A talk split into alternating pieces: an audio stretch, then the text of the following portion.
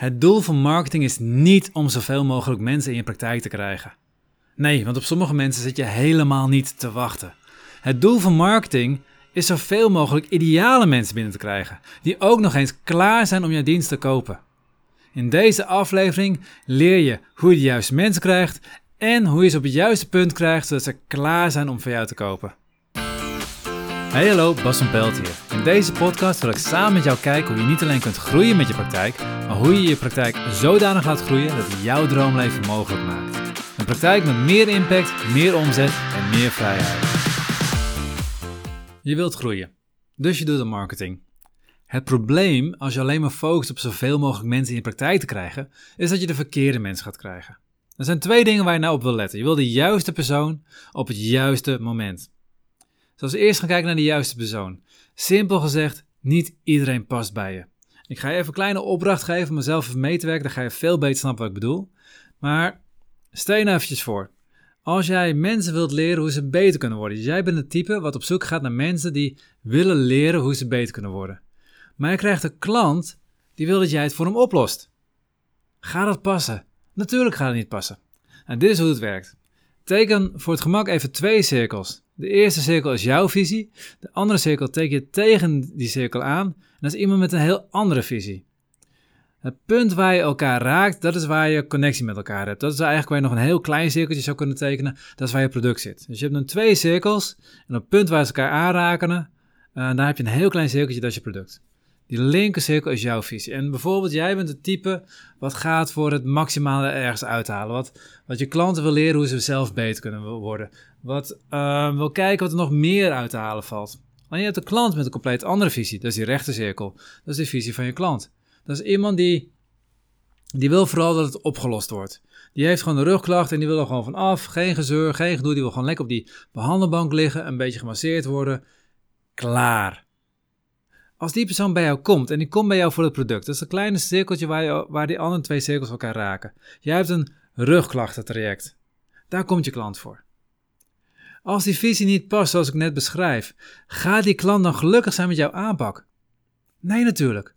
Stel je nou eens voor dat die klant op een verjaardag zit en iemand vraagt aan hem van... Hey Bas, jij bent toch bij die ene fysiotherapeut, acupuncturist, diëtiek, wat dan ook. Je bent toch bij die ene therapeut geweest? Voor je rug. Hoe ging dat?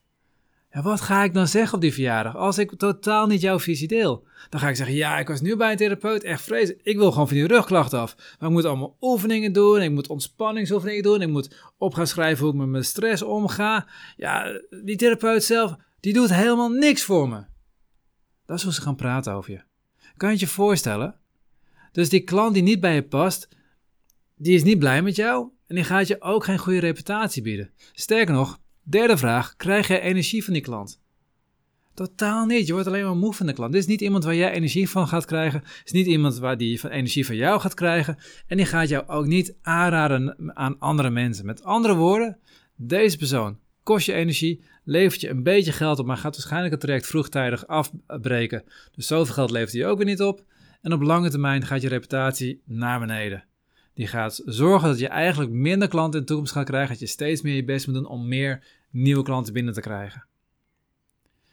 Met andere woorden, wil je die klanten hebben? Nee, natuurlijk. Die klant wil je niet hebben. Je wil die andere klant hebben die juist wel blij is over je. Stel je nou eens voor dat je die cirkel eh, anders gaat tekenen. Dus je hebt die twee cirkels zoals je net getekend hebt. Alleen nu ga je die tweede cirkel, die visie van de klant, ga je over jouw cirkel heen tekenen. Dus je hebt twee cirkels precies bovenop elkaar. Elk stukje van de cirkel maakt contact met de andere cirkel. Dat betekent dat jouw klant precies dezelfde visie heeft als jij.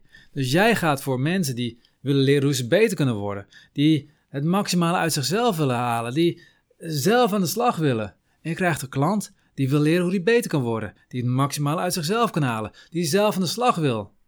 Gaan we die drie vragen nog een keertje stellen over die klant. Gaat die gelukkig zijn met jouw aanpak? Ja, zeker weten dat hij gelukkig gaat zijn met jouw aanpak.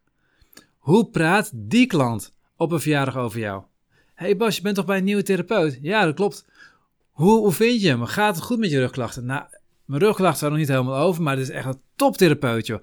Je krijgt allemaal oefeningen, je krijgt allemaal huiswerk. Ik heb ontzettend veel dingen die ik zelf kan doen. Ik heb video's bijgekregen waar ik mee zelf aan de slag ga. Ja, het is gewoon echt een super goede therapeut ook. Hoe goed is dat voor je praktijk als mensen zo over je praktijk praten? Hoeveel mensen ga je via via krijgen als mensen zo over je praktijk praten? Vraag 3. Krijg je energie van die klant? Jazeker weten. Die klant krijgt energie van jou, die is blij met jou. Die gaat jou ontzettend promoten bij al zijn uh, kennissen en vrienden. En jij krijgt zelf ook nog energie van de klant. Is die klant goed voor jouw praktijk? Jazeker. De eerste klant met een andere visie, is die goed voor jouw praktijk? Nee. Die haalt je praktijk naar beneden. Deze klant, is die goed voor je praktijk? Ja, die haalt je praktijk omhoog. Dus met andere woorden, wat wil jij van die eerste klant hebben? Wil jij meer van die eerste klant hebben of wil je gewoon lekker nee zeggen tegen de eerste klant? Het klinkt zo simpel. Je wil natuurlijk nee zeggen tegen de eerste klant. En dan kom ik bij het punt, ook met heel veel therapeuten hoor. Ja, maar ja, ik heb nu niet genoeg omzet, dus ja, ik neem toch maar mee, want het zijn wel klanten. En dit is een punt. Dit is een belangrijk punt. Als je niet genoeg omzet hebt, dan kan je ervoor kiezen om gewoon iedereen aan te nemen.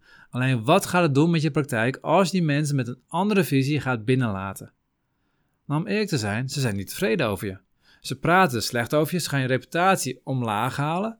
Elke keer als jij een nieuwe klant wil krijgen, zou je er zelf voor moeten werken, want er zal niks via via komen, er zal niks vanzelf komen. Dus je moet extra hard aan je marketing werken voor klanten die niet eens zoveel geld gaan opleveren, want ze gaan een aantal keer bij komen, maar daarna niet meer. En ze gaan dan zeker niet voor een, een nieuwe klacht nog een keer terugkomen bij je. Dus je moet heel veel werk doen om een beetje omzet binnen te krijgen. Dat gaat niet werken. Dan heb je de andere optie. Dat je gaat die mensen binnen laten komen en vervolgens, om ze toch tevreden te stellen, ga jij extra je best doen om op hun manier te werken. Dus jij bent een type wat het maximaal uit je cliënten wil halen. Jij bent een type wat die cliënten wil leren hoe ze zelf beter kunnen worden. Maar nu heb je een klant met een visie die wil dat jij het oplost voor hem. En vervolgens denk je, ja, het is toch een klant. Laat ik het ook maar op gaan lossen voor hem. Dus jij gaat masseren in plaats van, van, van oefenen. Jij gaat allemaal dingen doen voor de cliënt. Je gaat hem helpen, je gaat hem ondersteunen. Je gaat eigenlijk proberen zelf het totale probleem van die cliënt op te lossen voor je klant. Krijg jij daar energie van? Nee, totaal niet. Sterker nog, gaat die cliënt blij zijn met jou? Je zou denken van wel, want je doet precies wat je vraagt. Maar ook dan gaat hij niet blij zijn met wat jij doet. Want jij doet namelijk niet wie jij bent, dus jij kan dat nooit helemaal echt doen. Je wint het niet. Ze voelen dat jij dat niet bent. Ze voelen dat jij niet die verzorgende type bent wat ze eigenlijk willen. Dus je geeft misschien, ja, je probeert 100% van je energie erin te zetten, maar de cliënt die ervaart dat je maar 80% van je energie kunt geven omdat het niet is wat bij je past. Dus zelfs als jij helemaal gaat aanpassen aan je cliënt, ga je het niet winnen. En wat dan nog erger is, als jij gaat aanpassen aan je cliënt en die cliënt is wel blij, dat is eigenlijk veel erger namelijk. Wat voor mensen gaat hij dan doorsturen? Als zijn vrienden, als ze kennen ze. Zijn het mensen die op hem lijken, zijn vrienden, of zijn het mensen die niet op hem lijken? Het zijn mensen die op hem lijken. Dus ga je alleen maar meer mensen krijgen die je eigenlijk niet wil hebben. Kortom, als je mensen eerder praktijk toelaat die niet bij je passen, dan gaat je praktijk alleen maar omlaag. Moet je keihard werken voor een beetje resultaat en moet je de rest van je leven keihard blijven werken om steeds maar weer nieuwe klanten binnen te krijgen. Stel je nou eens voor dat je die klant hebt die echt bij je past. Ten eerste gaat hij jou veel meer energie geven. Ten tweede gaat hij veel blijer met je zijn. En als hij nog een nieuwe klacht ontwikkelt, gaat hij ook erbij bij terugkomen. Dus die levert ook gewoon meer geld op. Die gaat veel mensen doorsturen. En nu komt er nog iets heel gaafs. Want als jij een nieuw product ontwikkelt vanuit jouw visie, dan past dat bij deze nieuwe cliënt. Dus stel je voor, jij bent een type therapeut, en maak even fysiotherapeut van voor het gemak, want nou, dat kennen we allemaal wel.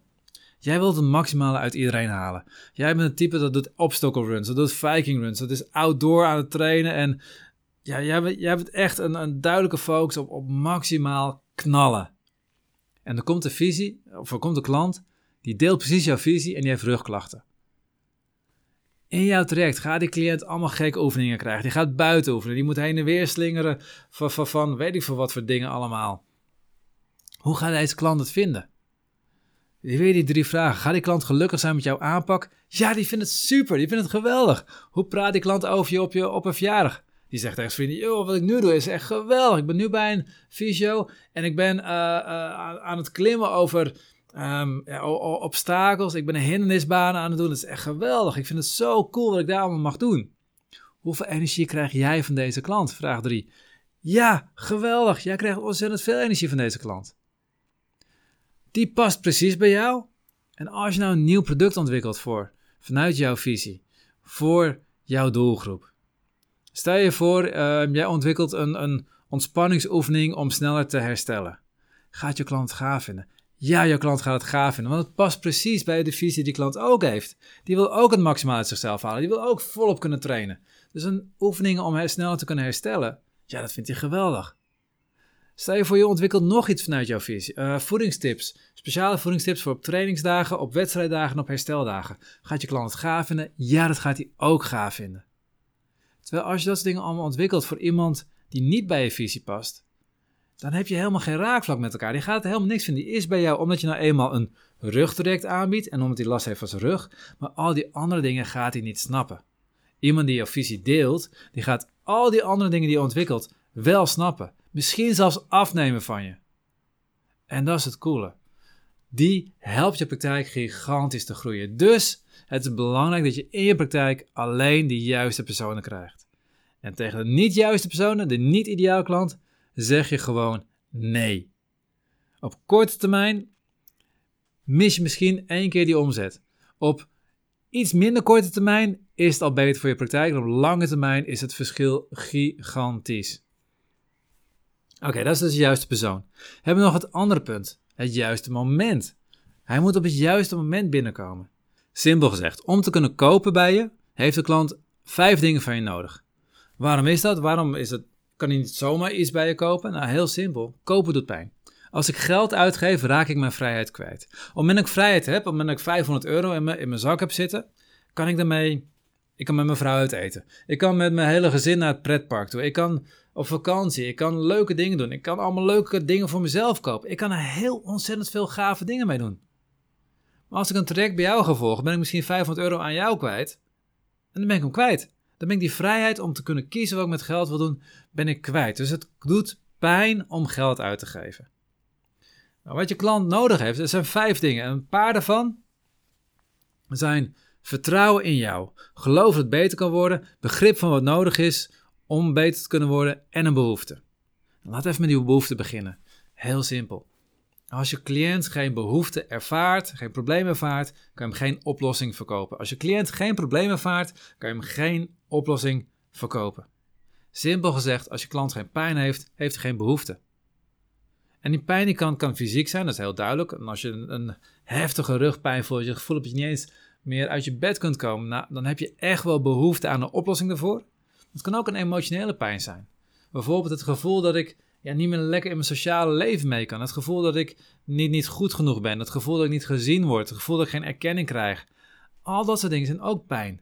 En hoe sterker ik die pijn ervaar, hoe meer moeite ik bereid ben te doen om bij jou te komen. Hoe meer geld ik bereid ben om uit te geven aan jou. Makkelijk voorbeeld, dat heb je vast wel eens een keer meegemaakt. Je spreekt op een verjaardag, spreek je iemand, die vraagt wat je doet. Je legt hem uit wat je doet, waar je mensen allemaal mee helpt. En hij zegt, nou, toevallig, ik heb precies die klachten. Nou, dan, spreek je met, dan vraag je hem even uit. Je, je hoort wat er precies aan de hand is. En je legt hem uit hoe je dat kan behandelen en hoe je hem verder kan helpen. En je zegt tegen hem van, nou ja, als je wil, kunnen afspraak maken. Waarop die andere persoon zegt, ja, ja, het komt nu even een beetje lastig uit. Ik heb een beetje druk momenteel. Weet je wat, ik bel je nog wel. En vervolgens belt hij nooit meer. Die persoon heeft heel duidelijk precies de klacht die jij kunt helpen. Jij kunt hem helpen. Jij weet dat je een verschil kunt maken in zijn leven. Maar die persoon heeft geen behoefte.